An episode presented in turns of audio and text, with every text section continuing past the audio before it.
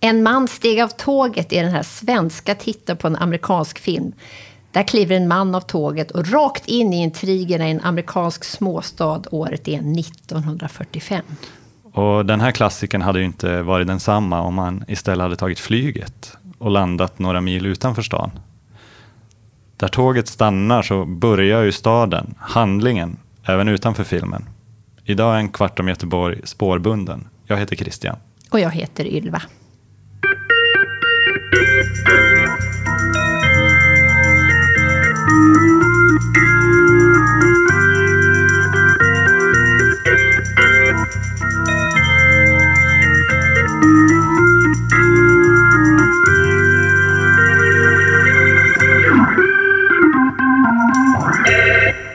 I samtidsdebatten är ju tåget återigen någonting som det pratas om. Många vill göra någonting som är bra för klimatet och väljer bort flyget. Kanske vill de också hitta nygamla sätt att resa, låta saker ta tid. Därför tog rekordmånga svenskar i somras tåget ut i Europa. Regeringen upphandlar nattåg till kontinenten, sådana som inte rullat sedan 1990-talet någon gång. Och sociala medier svämmar över av rälsburen reseinspiration i form av klättrande alptåg och middagar med Medelhavet förbiglidande utanför fönstret. Mm, det där låter ju mysigt alltihop. Och man kan säga, det där var ju därför vi besökte den stora vänthallen på Göteborgs centralstation. En helt vanlig vardagsförmiddag och titta på huset vi tidigare nästan missat när vi där på perrongen för att hinna med något tåg. Man kan säga här har det alltså vinkats av och tagits emot och påbörjats både små och stora äventyr. Och här har ju staden börjat för väldigt många människor ända sedan 1858. Så är det ju. Även om den stora vänthallen då var banhall som samtliga tåg körde igenom för att sedan vändas när de skulle köra åt andra hållet. Ja, precis. I en eh, resehandbok eh, för Göteborg från 1871 så står det så här. En järnbarnegård som i utstyrsel och bekvämlighet kan mäta sig med utlandets förnämsta. Det kan man ju nästan känna när man står där, att det påminner om många stationer i Europa där man fortfarande kliver på tåget under tak. Ja, till exempel i Köpenhamn mm. om man har varit där. Eh, men även om banhallen i Göteborg bara rymde fyra tåg i bredd, det är inte så mycket. Det är ingen jättestation vi pratar om. Det finns ju bilder på det här mm. som man kan söka upp. Eh, man kan väl säga att jag tror ju att Adolf Edesvärd som ritade stationen och många andra järnvägsstationer i Sverige, han hade ju säkerligen tittat på hur stationer såg ut i andra håll, på andra håll i Europa mm. innan han började skissa på de här svenska varianterna. Eh, det var ju en av de här, den stora fördelen med att Sverige var eh, relativt sent ut med järnväg. Drygt 30 år efter England och även efter våra närmsta grannar Norge och Danmark. Ja, vi hade haft en långlivad debatt kan man säga under 1800-talet. Minst sagt. Där motståndarna hävdade att en järnväg skulle verka liksom maskiner, mycket ont och döda allmänhetens omdömesförmåga, kraft och välstånd.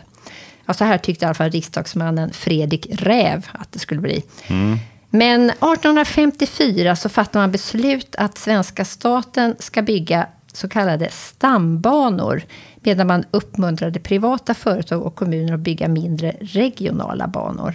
Ja, men precis. Stambanorna skulle förbinda de tre stora städerna till en början med. Och sträckan Göteborg-Jonsered var tillsammans med Malmö till Lund den första att invigas 1856.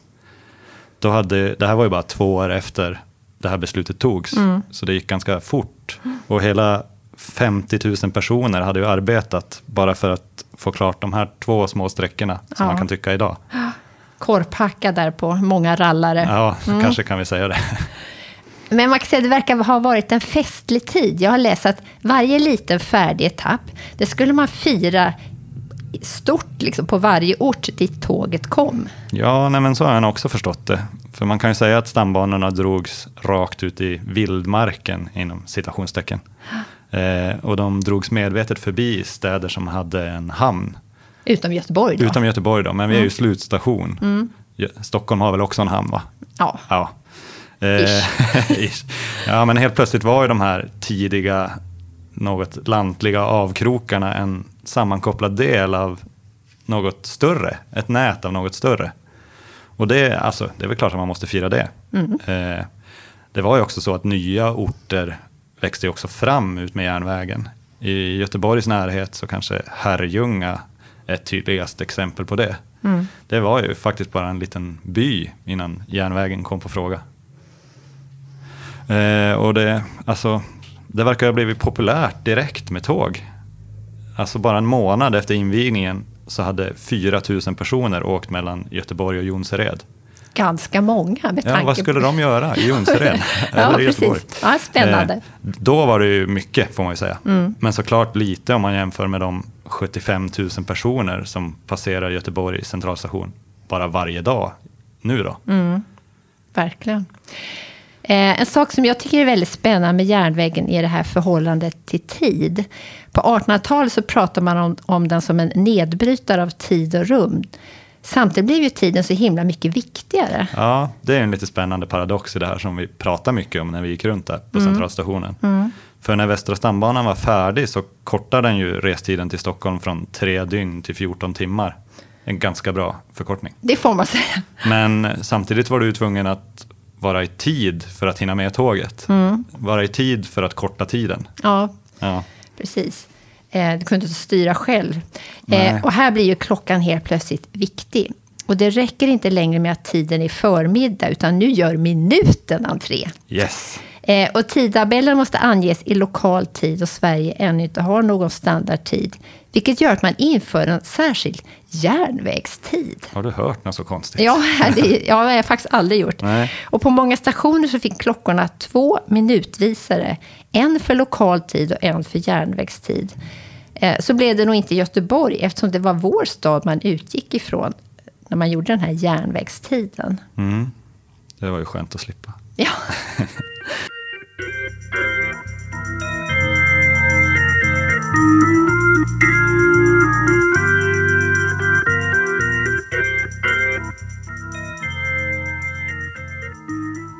En annan sak som också blir tydlig med när tåget kommer är ju ordningen, skulle jag vilja säga. Mm. Ordning och alltså, reda. Ordning och reda. Mm. Eh, för på stationerna så hängde det faktiskt i början tavlor med uppförandekoder. Mm. Hur man skulle bete sig. Och stinsen ute på perrongen, han såg ju till så att påstigningen gick lugnt och städat till. Ingen jäkt, inga knuffar. Men hur köpte man biljetter? Var ställer man sitt bagage? Eh, det är mycket som svensken ska lära sig här. Mm. Och jag tänker att det är delvis därför som det kommer så många handböcker som berättar hur det går till att resa med tåg. Mm. Jag har ju läst lite i den här, i en av dem som stationsarkitekten Edelsvärd och Essa Hedlund skrev. De skrev en guide tillsammans om sträckan Göteborg till Töreboda på Västra stambanan. Där beskriver de avresan från Göteborg så här. Ångan frustar ur det blanka putsade lokomotivet. Ur dörrfönstren framtittar passagerarnas avskedsnickande huvuden. Visselpipan ljuder. Tåget sättes i en sakta rörelse framåt. Som inom få sekunder frammilar med en snabbhet som före järnvägarnas uppkomst var otänkbar. Ja, man känner ju susar, det bara susar i hela skallen ja, när man tänker på. Det måste vara helt sinnesutvidgande snabbt för människorna som börjar med det här. Mm. Eh, det måste vara som att skickas ut ur en kanon kan man säga. Eh, så även om det bara gick i 50 kilometer i timmen, eh, som för oss inte är något svindlande precis. Men det var en ny värld som öppnar sig. Och det är också de här billigaste biljetterna, tredjeklassbiljetterna, som resandet ökar mest. Det här vägen ut öppnar sig för så många människor med Precis. tåget. Så är det ju. Eh, då kan man säga att tåget var verkligen det snabbaste som fanns. Men idag pratar vi mer om tågresor som ett det här lite långsamt sätt att resa där man får tid för sig själv eller boken eller någon man tycker om. Ja, absolut, det, det är ju nästan en försäljningsslogan. Ja. Eh, men man kan väl säga att vårt förhållande till tid har ju faktiskt fortsatt att utvecklas sedan 1800-talet på många olika sätt. Mm. Vi får väl se när sekunden gör entré ja, precis. på tågperrongen. Sekundvisaren. Ja, precis. Två eller en. Mm. ja, nej, men jag tycker också det, det finns något intressant i det här hur tågen och stationen möter staden. Eh, jag har alltid tänkt på Göteborg, att det känns så mycket som en slutstation. Där all, all, all tågtrafik går ju åt ett håll. Mm. Även beroende, oavsett var man ska så åker man åt samma håll. Eh, Ja, det är något med det. Men där vid sidan av stadens gamla lig så dockade den ju an till innerstaden på den plats där tidigare Göteborgs befästningar hade legat. Man anlade Drottningtorget och på det ett pampigt järnvägshotell som sedan 1880-talet och fortfarande idag heter Eggers. Eh, ja, man kan väl prata om en järnvägsdriven stadsutveckling här. Ja, men fortfarande liksom smyger man in staden här från ytterkanten över ett stort torg. Eh, och det blir ju också tydligt i och med att man redan har placerat det som man tycker är lite fult då, som stadens fattighus bracka här ute. Eh, men, och sen så å andra sidan så gör man det till en entré och ett finrum på en plats som man gärna vill gömma undan. Det är liksom väldigt dubbelt. Ja, nej, men det kan gå lite fort även i stadsplanering ibland. Ja, och inte blir det rätt alla gånger. Nej, nej men så kan man väl säga. Men Ja. jag tror ju att göteborgarna till en början också var lite skeptiska till det här området kring stationen. Så var ju fallet i flera andra svenska städer och i utlandet. Och så kanske det fortfarande är idag på vissa håll också. Men med tiden så blev ju även det här området en naturlig del av stan. Ja, jag tänkte på det när vi var inne på stationen, att det är ett sånt tydligt rum för vardagsliv. Man kan också vara här utan att vara på väg någonstans. Man vill ta en fika med en kompis eller köpa några apoteksgrej eller ja, bara hänga, Ja, bara sitta bara som du sa. sitta, ja. Precis. Samtidigt som vad som helst kan börja här, som för den här mannen som steg av tåget. Yes. Men jag tänker att det ligger någonting i den där i brytpunkten i det du pratar om. Alltså mellan vardag och äventyr. Att det är en del av den här delvis romantiserade bilden som finns kring tåg och järnväg. Stationerna och då särskilt perrongerna är en så tydlig öppning mot någonting annat. Alltså det är ju en symbol som också har förevigats för alltid inom populärkulturen i olika former. Ja, verkligen. Vi, vi ska inte sjunga alla järnvägslåtar. Men Vi kan många. Vi kan många, precis. Men samtidigt som spåren och bangårdarna också utgör som en väldigt tydlig barriär och delar av Göteborg. Mm. Alltså precis som motorvägarna gör i stan. Just det. Eh, men det här kommer ju förändras nu med den här förtätningen och den här höghusbebyggelsen som planeras kring stationen. Ja, nej men det är ju verkligen mycket som är på gång i det här området och som ska hända framöver. Vilket vi också kunde se en lite sån här schematisk modell av där inne på stationen. Eh, men en sak som jag tycker är speciell och värd att värna är ju det här att det i stationsmiljön i Göteborg faktiskt finns hela tre stationshus. Ja, det är verkligen speciellt. Ja. För här finns ju de här privata järnvägarna vi pratade om. De hade också sina slutstationer i Göteborg. Och de finns kvar än idag, byggnaderna Ja. liksom. Eh, Det ena, den vita, den här Bergslagsbanans stationshus. Och sen så har vi Västgötabanans tegelbyggnad som ligger vid Åkerplatsen. Precis. För det här, före järnvägens förstatligande så behövde man ju som resenär ha stenkoll, får jag säga, vilken station man skulle till beroende på vart man skulle. Jag tänker att det var lite så här, jag ska till Skövde, ja men du går dit. Jag ska till Borås, ja men då ska du gå åt helt motsatt håll. Eh, och jag tycker att den här Göteborgs stationsmiljö, den är så tydlig i hur den visar hur järnvägen var uppbyggd egentligen ganska långt in på 1900-talet. Jo, det blir intressant att se om det, här, om det kommer gå att förstå det i den här nya stadsdelen sen. Och också vad det kommer vara för en slags plats för göteborgarna i framtiden. Mm. Men klart är i alla fall att tåget fortsatt kommer att vara en viktig del av staden. Kanske viktigare än den har varit på länge. Jag tänker på den här debatten och planerna på snabbtåg.